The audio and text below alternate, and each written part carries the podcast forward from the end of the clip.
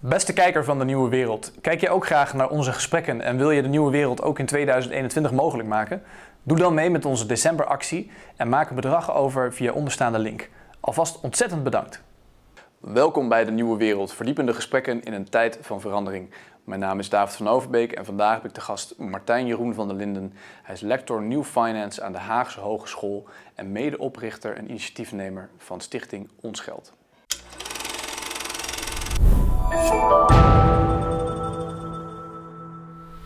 Dag Martijn, goedemiddag. Jij hebt uh, uh, onlangs een position paper uitgebracht, eigenlijk in de zomer van dit jaar. Dat gaat over geldschepping en daar gaan we het over hebben eigenlijk met elkaar vandaag. En misschien voor de kijker een wat, ja, een wat, een wat abstract onderwerp of een wat breed onderwerp. Wat ik zo interessant vind aan hoe jij ook daarin roert, is dat je eigenlijk zegt: dit is iets wat veel mensen aangaat, maar wat toch mensen toch om de een of andere reden een saai onderwerp vinden, of wat toch nog een beetje ver weg van de bedshow blijft, zeg maar. Dus het zou mooi zijn als we in een gesprek vandaag, denk ik, eens kunnen kijken van hoe dit soort onderwerpen, die met, met geld, maar ook met nieuwe ontwikkelingen daarin, uh, cryptocurrencies, digitale munten, hoe die samenhangen met elkaar en hoe dat toch relevant is uh, voor, ja, voor, het alledaagse leven van mensen, als het ware. Misschien voordat we daar um, aan beginnen, kan je misschien even kort toelichten waarom jij dat position paper toen geschreven hebt? Misschien ook vanuit het licht vanuit de Tweede Kamerdebatten die er toen waren die gingen juist over dit onderwerp. Ja, nou ja, dus net voor de zomer was er een Tweede Kamerdebat de toekomst van het geldstelsel. Ja. En ik probeer met Stichting Ons Geld al langer dit onderwerp op de politieke agenda te zetten, dus de inrichting van het geldstelsel. Mm -hmm. En wij hebben inmiddels uh, vijf jaar geleden een burgerinitiatief gehad, een burgerinitiatief Ons Geld. En daar hebben we handtekeningen opgehaald om het onderwerp, dus de inrichting van het geldstelsel, in de politiek te krijgen. Mm -hmm. uh, daar is toen in 2016 over gediscussieerd. Uh, er zijn moties aangenomen. Ik denk de twee belangrijkste die daar zijn aangenomen is een motie om de WRR onderzoek te laten doen naar het geldstelsel. In 2016. En een tweede is dat er een motie werd aangenomen voor de oprichting van een depositobank. Mm -hmm. Uh, nou ja, en sindsdien, dus sinds 2016, is dat eigenlijk doorgegaan. En voor de zomer stond, was er dus een Kamerdebat waar drie dingen op de agenda stonden. Dat was dat WRR-rapport, Geld en Schuld. Dat was een rapport van de Nederlandse bank uh, over uh, Central Bank Digital Currency, digitaal centrale bankgeld. Ja. En dat was een initiatiefnota van Mahir Alkaya van de SP over de oprichting van een publieke depositobank. Ah. En omdat ik dat debat al langer volgde, denk ik, nee, ik kan het geheugen, of het collectieve geheugen in de Kamer is vrij gering. Uh, ze hebben een aantal Kamerleden ook tegen mij gezegd. dus schrijf zo'n position paper, want er weten ook nieuwe Kamerleden, of Kamerleden die nieuw zijn op dit dossier, wat er de afgelopen nou ja, vijf jaar is gebeurd. Ja. Uh, dus simpelweg om het niveau ook in de Kamer te veroveren. Dat is eigenlijk het doel van het position paper. Ja, nou, voordat we daar ingaan naar de inhoud daarvan en de, de thema's die ermee samenhangen, waarom ben je eigenlijk Stichting Ons Geld uh, ooit begonnen? Vanuit welke drijfveer kwam dat? Nou, dat was na de vorige crisis, uh, dus in tweede, na 2008, 2009. Uh, ja, toen ontstond natuurlijk een debat over nou, wat is hier fout gegaan. En het in ging, de crisis? Ja, wat is er fout gegaan in de crisis? En het ging, bleef eigenlijk hangen op, op het niveau van nou ja, wat er fout is gegaan. Dus een, de beloningen in de bankaire sector zijn fout. Banken hebben te weinig buffers, te weinig eigen vermogen. Mm -hmm. Dus eigenlijk op, op dat niveau bleef het debat hangen. En uh, ik en een aantal anderen die dachten, nou, eigenlijk zouden we het systeem zelf moeten bediscussiëren. Dus eigenlijk een, een niveau hoger. Dus wie, wie, moet er, wie zou er eigenlijk geld uh, moeten creëren in deze wereld, of mogen creëren in deze wereld? Mm. En nou ja, tijdens de financiële crisis, je kunt zeggen, nou ja, banken hebben voor de financiële crisis veel te veel geld gecreëerd. Uh, daar is eigenlijk een bubbel ontstaan. Um, en waarom mogen ze eigenlijk dat geld creëren? En waarom is dat geen publieke taak? Dus wij wilden eigenlijk veel meer op, over de fundamenten van het systeem een politiek debat, dan dat ja. het over de, de, de, ja, de, de, de, details van de huidige inrichting, om die ja. te verbeteren. Ja, want na de crisis is natuurlijk heel veel gegaan over de Baselrichtlijnen, over bankenbuffers, over eigen vermogen, et cetera. Vrij technisch uh, discours ook, hè, technische woorden die veel gebruikt werden daarin. Maar toch is dat volgens jou, dat raakt nog niet eigenlijk het fundament van waar het nou precies om gaat. Waarom zijn dan toch die fundamentele vragen over wie eigenlijk het geld creëert en waarom, waarom, waarom zijn die daarin relevant volgens jou? Nou ja, omdat het heel de inrichting van het geldstelsel denk ik ook heel bepalend voor de inrichting van de economie sowieso, maar misschien wel voor heel de maatschappij. Hmm. Uh, en je ziet dat het geldstelsel is door de eeuw heen natuurlijk altijd veranderd. Het is niet zo dat het geldstelsel iets is wat we altijd hebben gehad. Hmm. Uh, er, is ook een, er zijn ook tijden geweest dat er geen private banken waren bijvoorbeeld. Er zijn ook tijden geweest dat uh, geld alleen bestond uit, uit zilver en gouden munten. Ja. Dus er zijn verschillende geldstelsels geweest. En je kunt zeggen dat het huidige geldstelsel heeft denk ik best gefunctioneerd in het verleden.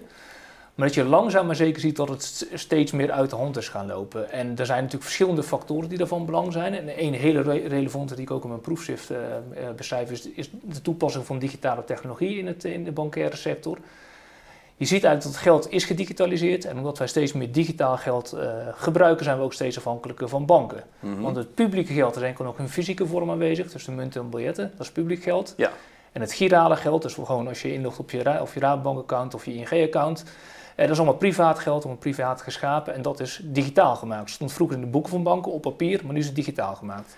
Is dat nou ook een onderdeel, een kenmerk van dat, uh, van dat, dat geldstelsel zoals het nu eigenlijk ter discussie meer begint komen te staan? Dat die de invloed van banken op het gebied van giraal geld, op het gebied van dat zij daar eigenlijk een vrij machtige positie in hebben. Ja, precies. Zij hebben daar een dominante positie. Een soort olie, in Nederland denk ik aan oliegepolen. Er zijn er maar een paar partijen die bankrekeningen aanbieden, die giraal geld aanbieden, die digitaal betalingsverkeer mhm. beheersen. Mm uh, en het blijkt ook heel moeilijk om daartussen te komen. Dus er worden wel nieuwe banken opgericht, uh, maar die blijven eigenlijk heel klein. Uh, die hebben meteen te maken met heel veel wet en regelgeving. Dus je ziet eigenlijk dat die wet en regelgeving ook die grote partijen eigenlijk bevoordeelt. En dan is de vraag, nou ja, zijn er andere manieren? En wij proberen met ons Gelderzot eigenlijk de discussie op een hoger niveau te, te, te tillen.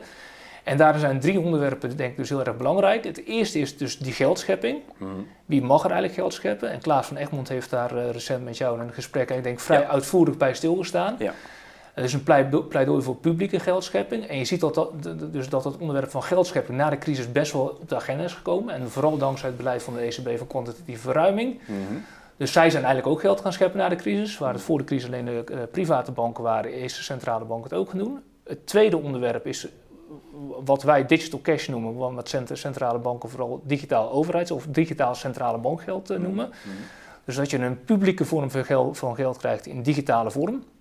Nou, dat debat is best wel eh, ook, ook eh, de, de, afgelopen, de, de, het afgelopen decennium groter geworden. En een derde onderwerp is het liberaliseren en dereguleren of herreguleren van die banken. Mm. Dus je ziet zelf, noemde die Basel 3 al, maar je ziet wat er in de geschiedenis is gebeurd. Dat er van de ene kant hebben banken vangnetten gekregen. En van de andere kant zijn er allemaal regels om die banken ook te beperken. Ja. Dus je beschermt banken en andere, aan de andere, andere kant reguleer je die banken of overreguleer je die banken. En die houden elkaar natuurlijk, die, die worden eigenlijk steeds erger. Ja. Ja, dus voordat we naar die drie uh, onderwerpen toe gaan en ook misschien naar discussies, hoe is eigenlijk, ja, je had net al even over een soort oligopolie ontstaan. Hoe is het eigenlijk zo gekomen? Is dat ik krijg een beetje de indruk dat het namelijk niet helemaal eh, per definitie nou, een design-idee is geweest. Het was niet per definitie zo ontworpen, dat hing niet samen met het geld, maar het is zo gegroeid in de loop der mhm. tijd.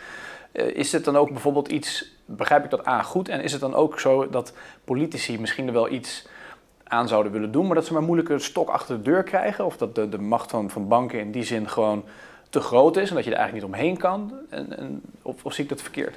Ja, het, is, het, is inderdaad een evolutie geweest, denk ik ook. Dus het is in verschillende stappen gegaan. En natuurlijk, het, de, de, de, eerste stap is dat banken geld zijn gaan creëren. Dus, dus toen je alleen maar fysieke munt had, uh, voor goud en zilver.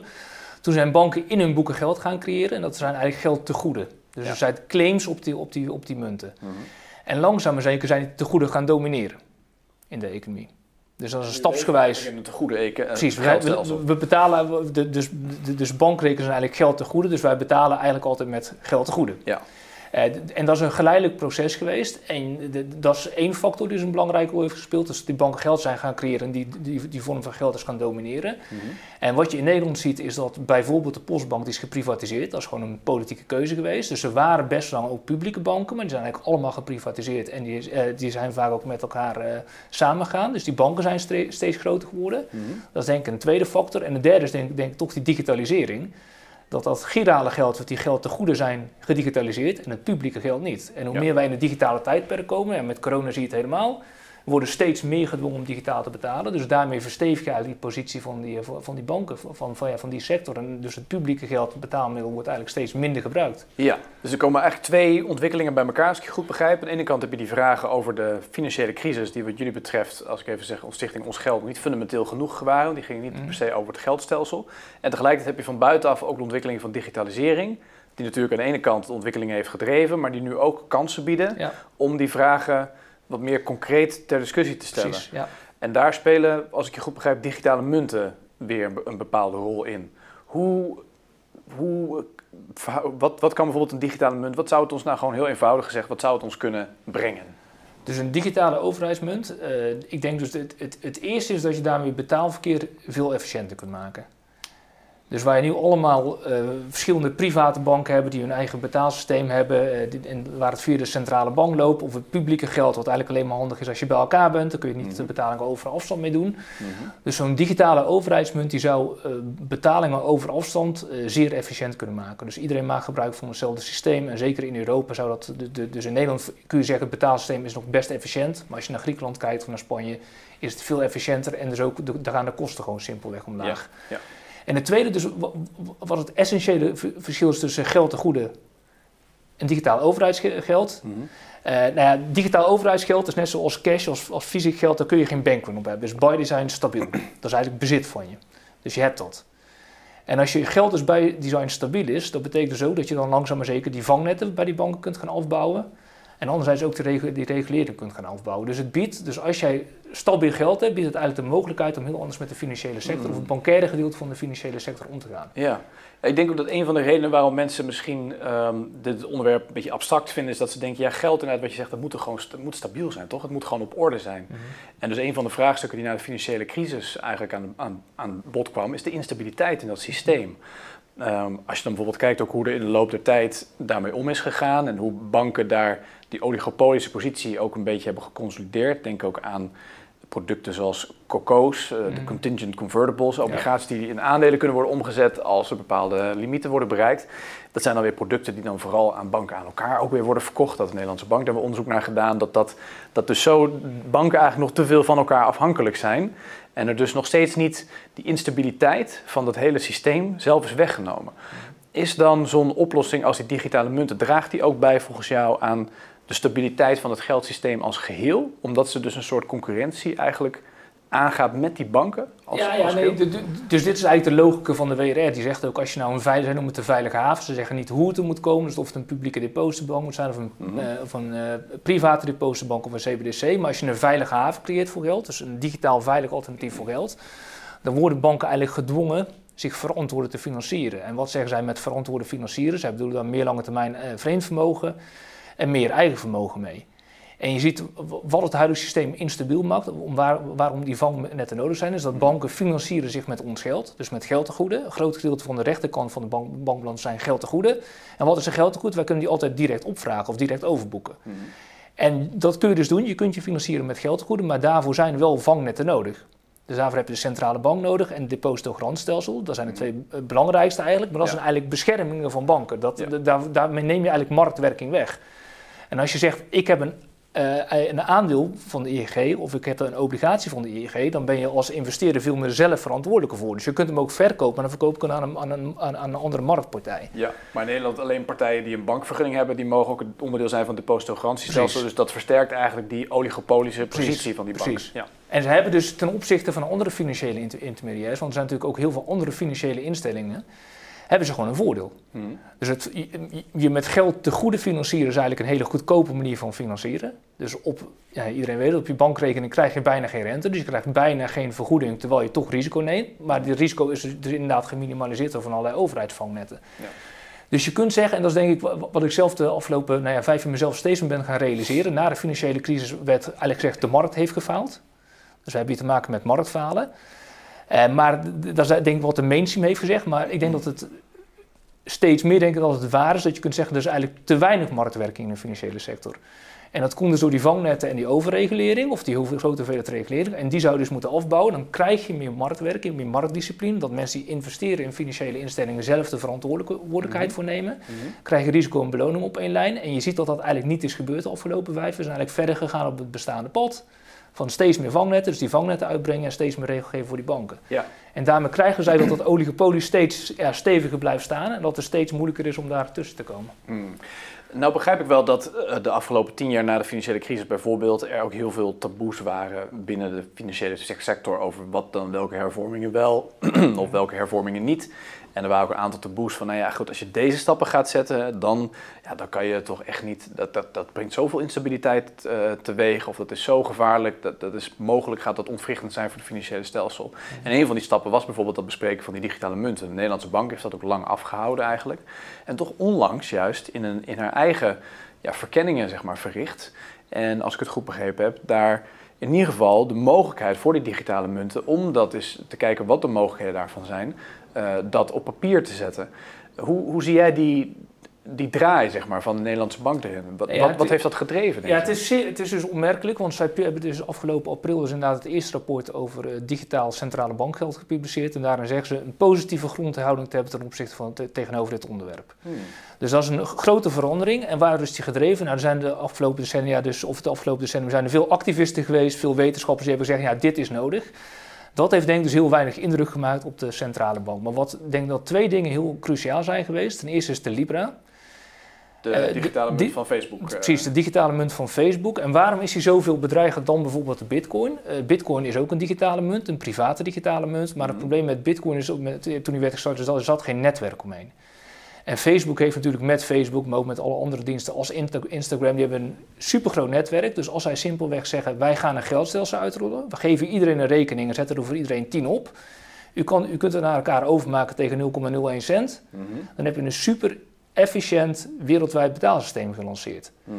Dus dit idee dat Facebook dit zou gaan doen in een consortium met andere partijen, heeft eigenlijk centrale bankiers wakker geschud.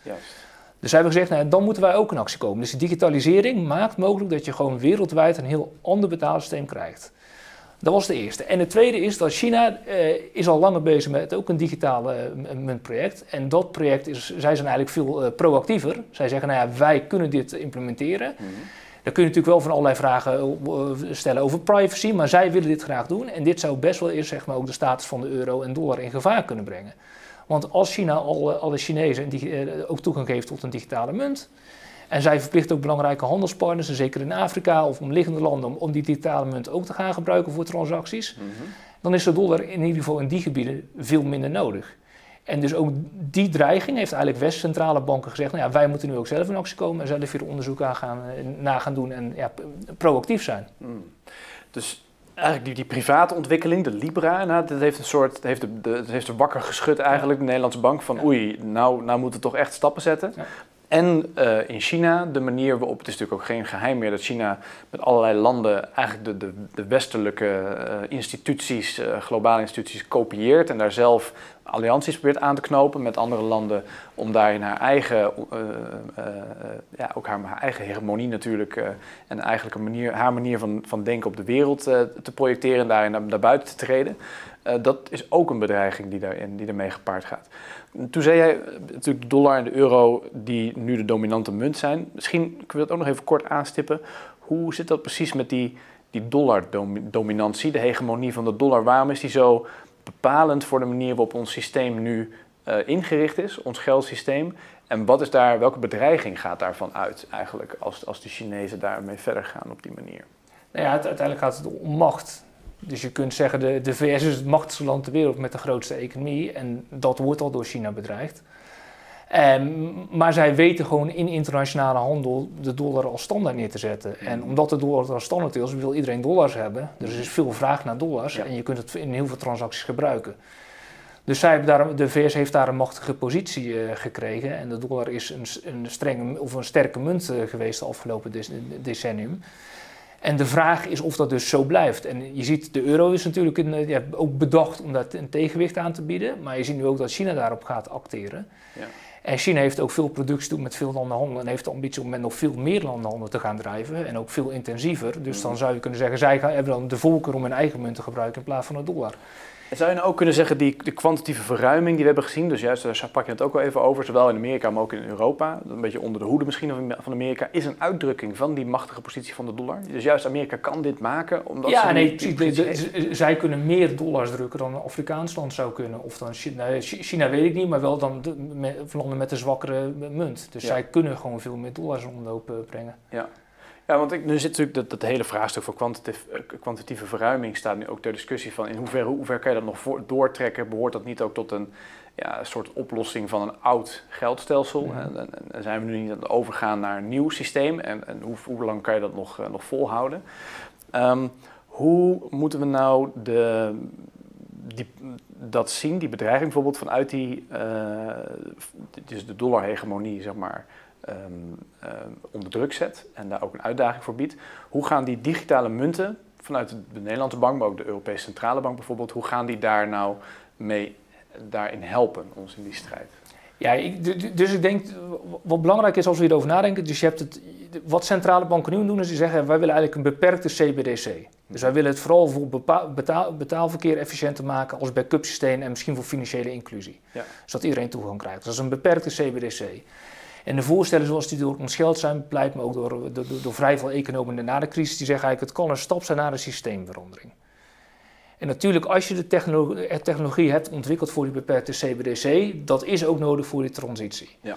Maar als je met centrale bankiers gaat discussiëren, dan zullen zeker de bestuurders nooit zeggen dat die CBDC is bedoeld voor de transitie. Zij gaan zeggen, nee, dat is, dat is om, voor betaal, om betaalverkeer efficiënt te maken, om toegang te houden tot publiek geld. Ja. Dus zij zullen altijd wat kleinere argumenten aandragen. Maar dat wil niet zeggen dat er ook bij centrale, centrale banken op onderzoeksafdelingen natuurlijk economen zitten die stappen verder denken. Hmm.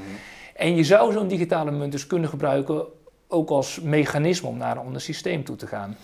En bijvoorbeeld wat de DNB in haar rapport eh, zegt, zij zegt, nou ja, dus je zou mensen maar beperkt toegang geven, moeten geven tot die central, uh, digitale centrale bankmunt.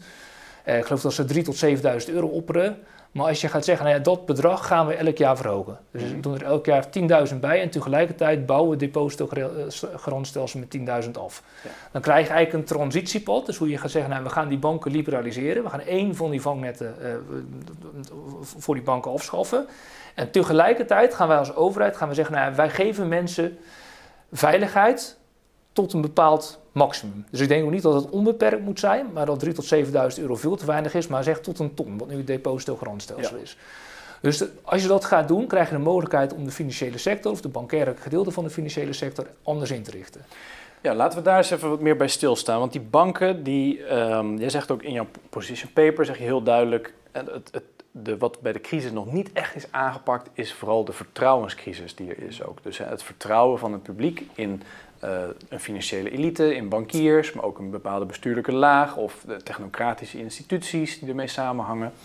Um, die banken worden tegelijkertijd nu volgens mij aan allerlei kanten worden ze onder druk gezet. Je hebt natuurlijk de regelgeving vanuit de EU, vanuit de ECB, maar je hebt natuurlijk ook die digitale munten, waarmee die banken concurrentie wordt toegevoegd voor die banken, wat ook ergens wel eens een keertje hoog tijd werd, als ik jou goed begrijp.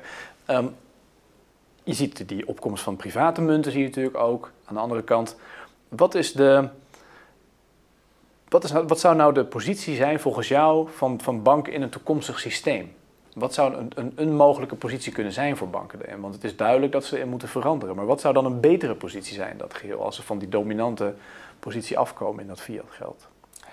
Nee, ik denk dat, je, dat, je, dat er twee hoofddingen zijn. Het eerste is op betalen. Dus je hebt dan die digitale munt. Dan kun je natuurlijk van alle, alle, allerlei betaalapps of digitale betaaldiensten hebben... Mhm.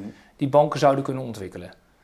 Dat is de eerste. En de tweede zit dus veel meer aan de kant van investeren, van lenen. Je krijgt denk ik veel meer een fondsachtige structuur. Dus de ING heeft een, uh, een fonds voor hypotheken in uh, Leiden, een uh, verduurzamingsfonds in Zuid-Holland. En daarin koop jij een, een obligatie of een aandeel. En vervolgens gaat het denk ik vooral om transparantie. Dus wat heel belangrijk is en waar banken ook notoir schimmig zijn. Dus mensen weten eigenlijk niet goed wat hun geld doet. Hmm. Maar banken zouden zich in een fondsachtige structuur kunnen eh, transformeren en dan ook transparantie bieden. Dus u heeft uw geld geïnvesteerd in het hypotheekfonds in Leiden of in, deze, eh, in dit groenfonds.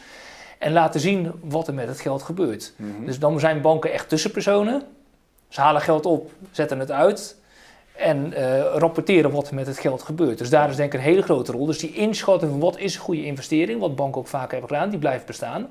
Alleen het gaat vooral met hoe financier je het. Dat is denk ik het vraagstuk. Dus dan financier je het niet langer met dat geld, het geld te goede, maar je financiert het met ander soort effecten. Ja. Dat klinkt heel anders dan, uh, dan het bankieren wat we in de jaren 80 en 90 hebben zien opkomen. Dat hele, het grote, wat natuurlijk ook dramatisch ge, verfilmd is in Wall Street en de Wolf Wall Street of wat dan ook. Maar dat, is dat echt passé, denk jij? Dat, dat, dat een beetje het cowboy bankieren is? Nou ja, je kunt natuurlijk ook zeggen, kijk, voor, dus als ik graag in een fonds zit waar de bankier een cowboy is, die gaat daytraden, die, die, van, die, die van allerlei derivaten gaat, in mijn ogen moet dat ook gewoon mogen, maar dan is het puur privaat risico. Hmm. Dus dan heb ik een aandeel bij een bank die dit doet. Nou, dat is best risicovol. Dan kan het ook fout gaan. Dan moet je dus dan heel veel bewust zijn. Dat, dat kan helemaal instorten. Het kan 40% naar beneden gaan. Dus er zijn oh, risico en beloning zitten op een lijn. Ja, ja. Dus ik denk dat je moet verbieden. Maar je moet denk ik dus heel erg zeggen, nou dit mag, maar het is wel privaat risico. En wat we dus hebben gezien, dat het vooral de vermenging van publiek en privaat. Ja, dus je gaat privaat heel veel risico nemen. Als het fout gaat, dan ga je gebruik maken van nou ja, of de centrale bank of van de, van de overheid om je te, om je te stutten. Ja. Ik denk dat vooral, eh, dat is gewoon een weeffout in het huidige systeem. Dus ik ben er zeker voor dat dit ook nog mag bestaan. Maar dan zou het gewoon privaat risico moeten zijn. En dan is de vraag, dus als het privaat risico is, of niet ook veel meer een leercurve komt. Dus dan marktpartijen beseffen, nou ja, die cowboy bankier zou ik maar een klein beetje van mijn geld te stoppen is eigenlijk veel te riskant en misschien moeten we ook wel onder gedrag van hem eisen. Ja. Dan krijg je ook veel meer volgens mij de gesprekken die nodig zijn. Wil ik eigenlijk dat dit met mijn geld gebeurt? Uh, is het wenselijk? Nee, dat, is een, dat is iets normatiefs, maar dat is gewoon een gesprek wat moet gebeuren op basis van data. Mhm. En volgens mij is dat wel de, de, de weg die, die bewandeld gaat worden. dus juist echt de intransparantie die er nu is vanwege de vermenging van potjes als het ware. Als jij je geld ja. mee onderbrengt, dan weet je gewoon niet precies hoe dat uitgezet wordt. En die keuze meer compartimentaliseren, dus meer hokjes maken en duidelijker maken van ja, dat is jouw keuze, het kan wel, maar dat is natuurlijk dan een soort consumentenkeuze of iets dergelijks.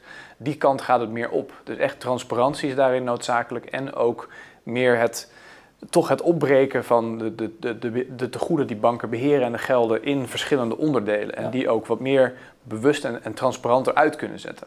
Ja, en dan als je naar toezicht kijkt, dan is er dus veel meer AFM-toezicht nodig van is het wel eerlijk, dus als ik geld ophaal voor de hypotheek in uh, Leiden, dat ik dat niet ga gebruiken om een fabriek te bouwen.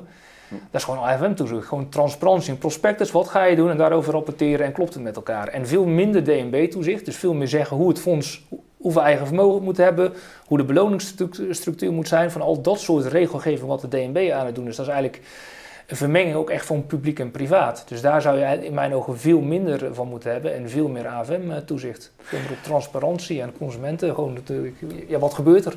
Is dat ook niet meer bureaucratie voor banken? Is, is, het verdienmodel, kunnen ze, is er dan nog wel een verdienmodel mogelijk? Als ik even op de bres zou moeten springen voor bankiers, denk ik wat ze zouden zeggen is ja, als je dat allemaal, dan moet je overal verantwoording en dat brengt zoveel bureaucratie. Maar, maar daar zou je dus ook kunnen zeggen, met technologie is het denk ik al veel makkelijker. Hmm. Dus je, je, ziet dat van allerlei fintechs zijn dit al aan het doen. En uh, nou ja, daar zou je dan naar het iets grotere moeten kopiëren. En banken zijn natuurlijk ook al mee bezig. Maar je, van, van, daar kun je technologie om transparantie te verbeteren, kun je dat heel goed inzetten. Ja. En ik vraag me af, dus je ziet dat, het stond gisteren ook in het FD, dat in Nederland is juist het toezicht is heel erg duur. En dat is vooral DNB-achtig toezicht. En als je veel meer op transparantie gaat zitten, dan krijg je, denk ik, ik denk dus dat je veel minder toezicht krijgt. Je krijgt ander toezicht, maar ook minder. Dus dat het daar in die zin uh, qua toezicht gewoon efficiënter kan. Hm. Nou begonnen we ons gesprek met de vraag van wat is nou eigenlijk de relevantie van deze thematiek voor, hm. voor, uh, voor, voor, eigenlijk voor iedereen in de samenleving. We hebben een aantal dingen besproken. We hebben het gehad over de ontwikkelingen die er nu gaande zijn met digitale munten. Maar ook over wat de fout ging in de financiële crisis. Welke hm. vragen aan de bank moeten, aan, aan, aan bod zou moeten komen. Um, wat de rol van bankiers daarin dat geheel uh, zouden kunnen zijn. Um, hoe taxeer jij nou nadat je het rapport uitgebracht, na die, nadat wat er besproken was in de Tweede Kamer, hoe zie jij nou dat, het, dat de, laten we zeggen, de scheidslijnen wat verschuiven? Dat er nu ook echt anders wordt gedacht over dit soort thema's. En welke kant gaat het denk je op? Nou, het moeilijkste is om het politiek te maken. En daarmee bedoel je? Dat... Nou ja, dus dat, dat het in de Tweede Kamer, in het Europarlement, dat er een debat wordt gevoerd. Nou ja, wat, hoe willen wij het monetair financieel systeem inrichten in het digitale tijdperk? Dus dit is heel moeilijk om hier een politiek onderwerp van te maken. En wat er dus altijd wordt gewacht, wat Hoekstra ook een notoire doet in Nederland, die zegt altijd, nou ja, de DNB gaat meer onderzoeken of ik wacht op het rapport van de DNB. Ja. Dus hij volgt eigenlijk de DNB in plaats van te zeggen, nou wij willen, of de politiek zegt, wij willen een digitale munt en die zou aan deze eisen moeten voldoen, DNB implementeren maar. Ja. En je ziet dus dat het proces eigenlijk heel erg technocratisch gemaakt. Dus technocraten gaan er in uh, kamers in uh, Frankfurt en in Amsterdam gaan ze erover discussiëren. Die schrijven een rapport. Mm Dat wordt politiek besproken. En ik denk dus dat dat eigenlijk de grote tekortkoming uh, is geweest de afgelopen tien jaar, dat het heel weinig politiek is gemaakt. Maar dan kan je natuurlijk zeggen, dat is ook een resultaat van een beetje de spelregels, zeg maar, in die wereld, zoals we die in de jaren 80 en 90 hebben geformuleerd. Want je gaat natuurlijk een hele duidelijke scheiding aanbrengen tussen wat we geleerd hebben in de jaren 80 en 90 is van ja, een overheid die alleen maar met de vinger op de geldpers, die de vinger op de geldpers weet te drukken, mm. die houdt hem er ook niet meer vanaf. Mm. Dus je moet dat geld ook, uh, schepperij misschien een beetje ook bij het private gedeelte onderbrengen. Nou, er zijn nu allerlei nieuwe disbalansen in ontstaan. Maar is dit dan nog echt zo'n zo'n oude spelregel als het ware? Als politiek doen wij, als politici doen we eigenlijk alsof het niet aan ons is. Het is uh, want dat zou niet goed zijn, dat zou niet kies zijn. Nee, ik denk precies dat je het heel goed beschrijft, dat dit de tijdsgeest is, dat het is gekozen om het buiten de politiek te leggen. Hmm. En dat wil niet zeggen dat de politiek niet gaat over over de inrichting. Dus dat is eigenlijk, er wordt een, een iets andere vraag wordt er, geagendeerd. Ja, jullie gaan over de inrichting, zeggen wij altijd, als ons geld. Ja. En daar moeten jullie over nadenken. En hier zijn, er zijn verschillende voorstellen. Zou, er zou een politiek debat over moeten komen. Daar zou een keuze in moeten worden gemaakt. Um, en het is waar dat een van de redenen om het buiten de centrale bank te leggen geldschepping is dat de politiek niet aan, het, uh, aan, de macht is. Maar daar kun je natuurlijk hele andere checks en balances op ontwikkelen. Of ja, die kun je gewoon ontwerpen en implementeren. Zo moeilijk is het ook niet. En hmm. je kunt bijvoorbeeld bij wet vastleggen, ja, de, de, de mag maximaal 5% per jaar groeien. Uh, of eh, het koppelen aan de, aan de, aan de hoeveelheid BBP-groei. Dus als de economie per jaar 2% groeit, gaan we ook 2% meer geld erom brengen. Ja. je kunt vanaf het hele simpele regels kun je gewoon ontwikkelen. En dan kun je nog een, eh, soort van, dat je ervan van mag afwijken, 1 of 2%. Maar, maar dat is het kader waarbinnen de monetaire autoriteit mag opereren. Mhm. En ik denk juist dat dat, eh, ook, ook dat, dat beleid van kwantitatieve verruiming laat eigenlijk zien dat het huidige systeem aan het ontsporen is. Want als je 20 jaar geleden had gezegd, of 10 jaar geleden had gezegd dat de ECB dit zou gaan doen, had elke monetaire econoom gezegd ondenkbaar. Ja. Het gebeurt nu op echt hele grote schaal en het wordt eigenlijk alleen maar groter. Dus daar, ja, uit die hoek, ook uit de monetaire uh, ja, economische theorie, komen ook steeds meer, ja, worden ook steeds meer grote vraagtekens gezet bij het huidige systeem en het huidige beleid. Ja, ik moet ook zeggen, als ik dat hoor, het begint me ook gewoon te duizelen. Want het was, deze zomer ging het nog over 750 miljard voor dat PEP-steunprogramma in, uh, in Europa. Of, uh, en, en nu zitten we al op 1850 miljard. Het lijkt me gewoon alsof we, nou ja, weet je, we doen er maar gewoon maar bij, dat maakt niet uit. Het, het, is, het, het gaat ook maar door, die bedragen natuurlijk dat begint gewoon te duizelen op een gegeven moment. Ja, en, en wat, het, wat er vooral gebeurt, is dat ook hier gewoon een centralisatie van macht. Dus de ECB bepaalt in toenemende mate wat er wordt opgekocht, uh, ja, welke markten omhoog gaan. Dus iedereen zit uit te kijken, wat gaan zij doen? Ja. En dus eigenlijk in het, de, ja, de kern van een kapitalistisch systeem is eigenlijk een, ja, het bankaire systeem is eigenlijk steeds gecentraliseerder geraakt. Ja, met een centrale bank die dus dit kwantitatieve ruimte doet en een oligopolistisch banksysteem eromheen. Ja, eromheen, ja. Dus ik denk heel erg dat juist, dus gewoon van, vanuit marktprincipes hier weer over nadenken. Hoe zou je het dan inrichten dat dat uh, eigenlijk de volgende stap is? Ja, dus als je dit zo bij elkaar neemt, dan zou je zeggen dat bankaire stelsel zoals we nu hebben, dat is eigenlijk helemaal geen markt. Nee, in mijn ogen is het helemaal, heeft het heel weinig met de markt te maken. Is het nou ook zo dat de, de vraagstukken hierover blijven liggen binnen, binnen de Europese Unie? Ik weet niet of dat, je daar iets over kan zeggen hoor, maar omdat juist de centrale bank, de Europese centrale bank, zich ook verhoudt tot al die individuele lidstaten. Zijn er ook verschillende belangen bijvoorbeeld? Ik kan me voorstellen dat hier in Nederland op een bepaalde manier over wordt gedacht, maar natuurlijk in Italië en Spanje zijn natuurlijk weer hele andere belangen die ook met de geldschepping te maken hebben. Kan het dan zijn dat die vraagstukken ook binnen de centrale bank gewoon niet politiek worden gemaakt omdat het zo gevoelig ligt binnen de Europese Unie, omdat er verschillende opvattingen gewoon over zijn die ook weer samenhangen met de economie van verschillende landen. Zeker. Nee, het is binnen, de, binnen het eurogebied is het veel complexer dan bijvoorbeeld in Zweden, waar ze gewoon één centrale bank hebben die zegt, nou, wij constateren een probleem in dit land, eh, dat fysiek, dat uh, fysiek contant geld bijna niet meer wordt gebruikt, dat betekent dat publiek geld verdwijnt en daarom willen wij dit doen. Ja. En binnen het eurogebied zie je er dus zo'n uh, variëteit aan motieven, mm een variëteit ook aan belangen. Uh, en dat, dat maakt dit gesprek of dit debat denk ik op Europees niveau veel moeilijker. Mhm. En wat voor ons als ons geld eigenlijk wel heel erg leuk was, dat wij hadden met een aantal DNB-onderzoekers die het rapport schreven over digitaal centrale bankgeld in gesprek. En die zeiden, ja, Nederland loopt eigenlijk voorop in deze discussie. En dat komt dus vooral nou ja, door de geldgekkies, door wetenschappers in Nederland, door activisten die hebben gezegd, ja, dit is een belangrijk onderwerp. Ja. En nou ja, als je bijvoorbeeld naar andere eurolanden gaat, is het dus heel weinig debat geweest de afgelopen tien jaar. En is het dus ook, nou, dus op Europees niveau is het dus heel moeilijk om met elkaar van gedachten te wisselen. Omdat in sommige landen is er al best wel veel literatuur ontstaan. Ja. En in andere landen is het pas net een onderwerp. Ja. Nu zijn je natuurlijk met Stichting Ons Geld, denk ik, um, als je het zo mag zeggen, begonnen een beetje in de onderstroom. Je zegt ook net, het was, toen we het aankaarten was het echt nog, uh, nou dat, dat was gewoon, leefde helemaal niet. Nu begin, hebben we een aantal ontwikkelingen geschetst, denk ik ook in dit gesprek, maar ook die je ziet, waarmee het steeds meer een beetje in de, ja, de hoofdstroom zeg maar, terechtkomt. Of althans, het is, wordt niet meer als een taboe gezien, de onderwerpen die jullie aankaarten. Kunnen jullie ook coalities aanknopen in andere Europese landen, en ook misschien in de zuidelijke landen, zijn er ook dit soort geluiden hoorbaar? Of gaat het daar toch echt wel echt een andere kant op wat dat betreft? Nee, er zijn zeker ook dit soort geluiden hoorbaar, zeker. Hm. Nee, dus het Ons Geld, Positive Money in UK is een zusterorganisatie, maar je hebt in heel veel andere landen heb je soortgelijke organisaties. Um, en het is wel opvallend dat vooral in noordelijke landen is, is, zijn eigenlijk succesvoller geweest in het agenderen, maar in zuidelijke landen bestaan ze zeker ook. Hm. En bijvoorbeeld eentje waar wij zelf uh, veel aan hebben gehad, ook in het denken, is uh, de voormalig president van de Spaanse Centrale Bank, Miguel Fernandez Ordóñez. En hij is eigenlijk, uh, toen hij gestopt is als centrale bankier, is hij gaan lezen en is hij eigenlijk gezegd, nou ja, die voorstellen die worden gedaan door onscheldachtige clubjes, die zijn eigenlijk, ja, dat is, de, dat, de weg die bewandeld moet worden. Ja.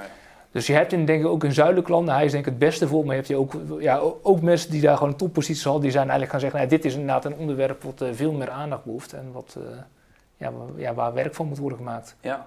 Wat zijn nou de ontwikkelingen die we de, de komende tijd in de gaten moeten houden wat dit betreft? Uh, we hebben nu een aantal dingen genoemd. Hè? De Nederlandse Bank is mee bezig, de Europese Centrale Bank. Maar dit zijn ook niet echt onderwerpen die nou op de NOS uitgebreid in het nieuws komen te staan. Dus wat dat betreft uh, qua zichtbaarheid kan nog wel wat gebruiken. Wat, wat zou nou als mensen hier die er zitten te kijken denken van nou dat vind ik wel interessant, wil ik eens gaan volgen. Wat zouden ze dan wat jou betreft in de gaten moeten houden? Nee, de, de ECB die heeft een publieke consultatie tot 12 januari. Dus iedereen kan daar zeggen je wat... Kan nu mee... Ja precies, je kunt nu mee, maar je kunt nu gewoon je mening geven over, uh, over ja, waartoe die digitale euro zou moeten dienen. Ja.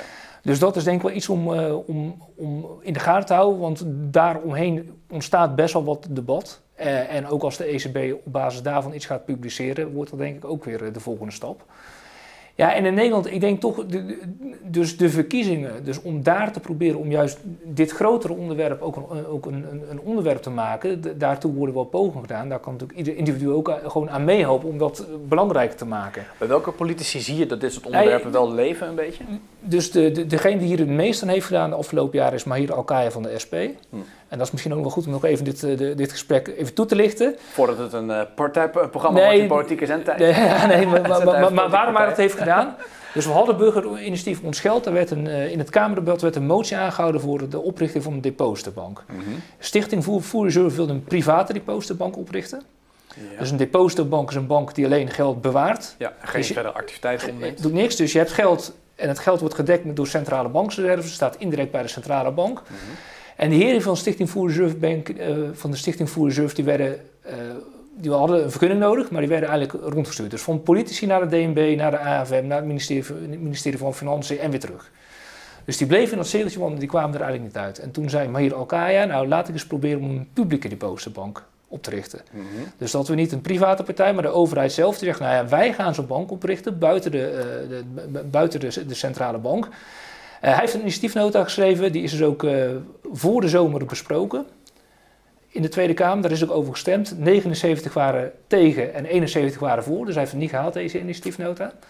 Maar elkaar heeft hier veel tijd en moeite in gestoken. En dus die drie varianten van die private depositenbank, die publieke depositenbank en die central bank digital currency. Ik denk dat dat in Nederland zou dat denk ik toch weer politiek moeten worden gemaakt. Want er zijn dus heel veel politieke partijen, nou ja, dus 71 uh, Kamerleden hebben volgestemd die dat eigenlijk een goed idee vinden, zo'n mhm. publieke. Mm -hmm.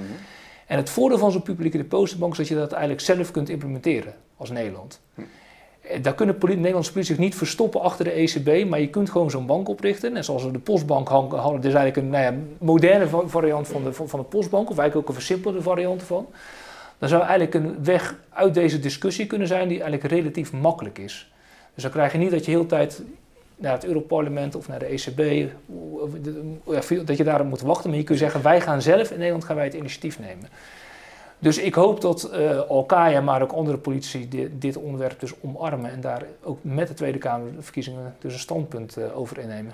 Je, ziet, je zag een tijdje geleden ook in Italië natuurlijk, waar dat soort experimenten ook al waren. Een hele andere orde natuurlijk, maar met kleine uh, obligaties die konden worden gekocht door... Uh, er werd al eigenlijk door, uh, ja. door de premier daar inderdaad een beetje de, de draak gestoken als het ware met van ja, jullie in de Europese Unie en Centrale Bank, jullie denken dat jullie alleen maar bepalen, maar we gaan het gewoon zelf doen. We gaan gewoon zelf een aantal dingen ontwikkelen. Dat was natuurlijk iets heel anders dan wat je nu voorstelt. Maar eigenlijk zoiets, daar kan ook een kracht van uitgaan. Hè? Dat je zegt, we gaan het gewoon zelf proberen om het een en ander op touw te zetten wat dat betreft. En dat kan al leiden tot A, meer concurrentie voor banken. B, wat gewoon in Nederland wenselijk is, gezien de oligopolische toestand van banken zelf. En uh, bijdragen aan de stabiliteit van het geldsysteem. Ja, zeker. Nee, en ook, tenminste dat is wat wij denken, als je in Nederland zo'n publieke depositenbank of publieke bewaarinstelling uh, opricht, dan worden eigenlijk andere Europese uh, landen ook gedwongen om iets soortgelijks te doen. Mm -hmm. Dus je kunt het ook als mechanisme zien uh, om ook in andere landen hetzelfde debat eigenlijk te krijgen van hoe wil ik dit eigenlijk inrichten. En het kan daarnaast nog gebruikt worden, ook nog in een transitie naar een ander stelsel. Dus het is echt, in die zin is zo'n oprichten van zo'n pu publieke depositenbank of publieke bewaarinstelling zou echt een stap kunnen zijn naar ook een andere, nou, gewoon een ander monetair financieel systeem. Ja.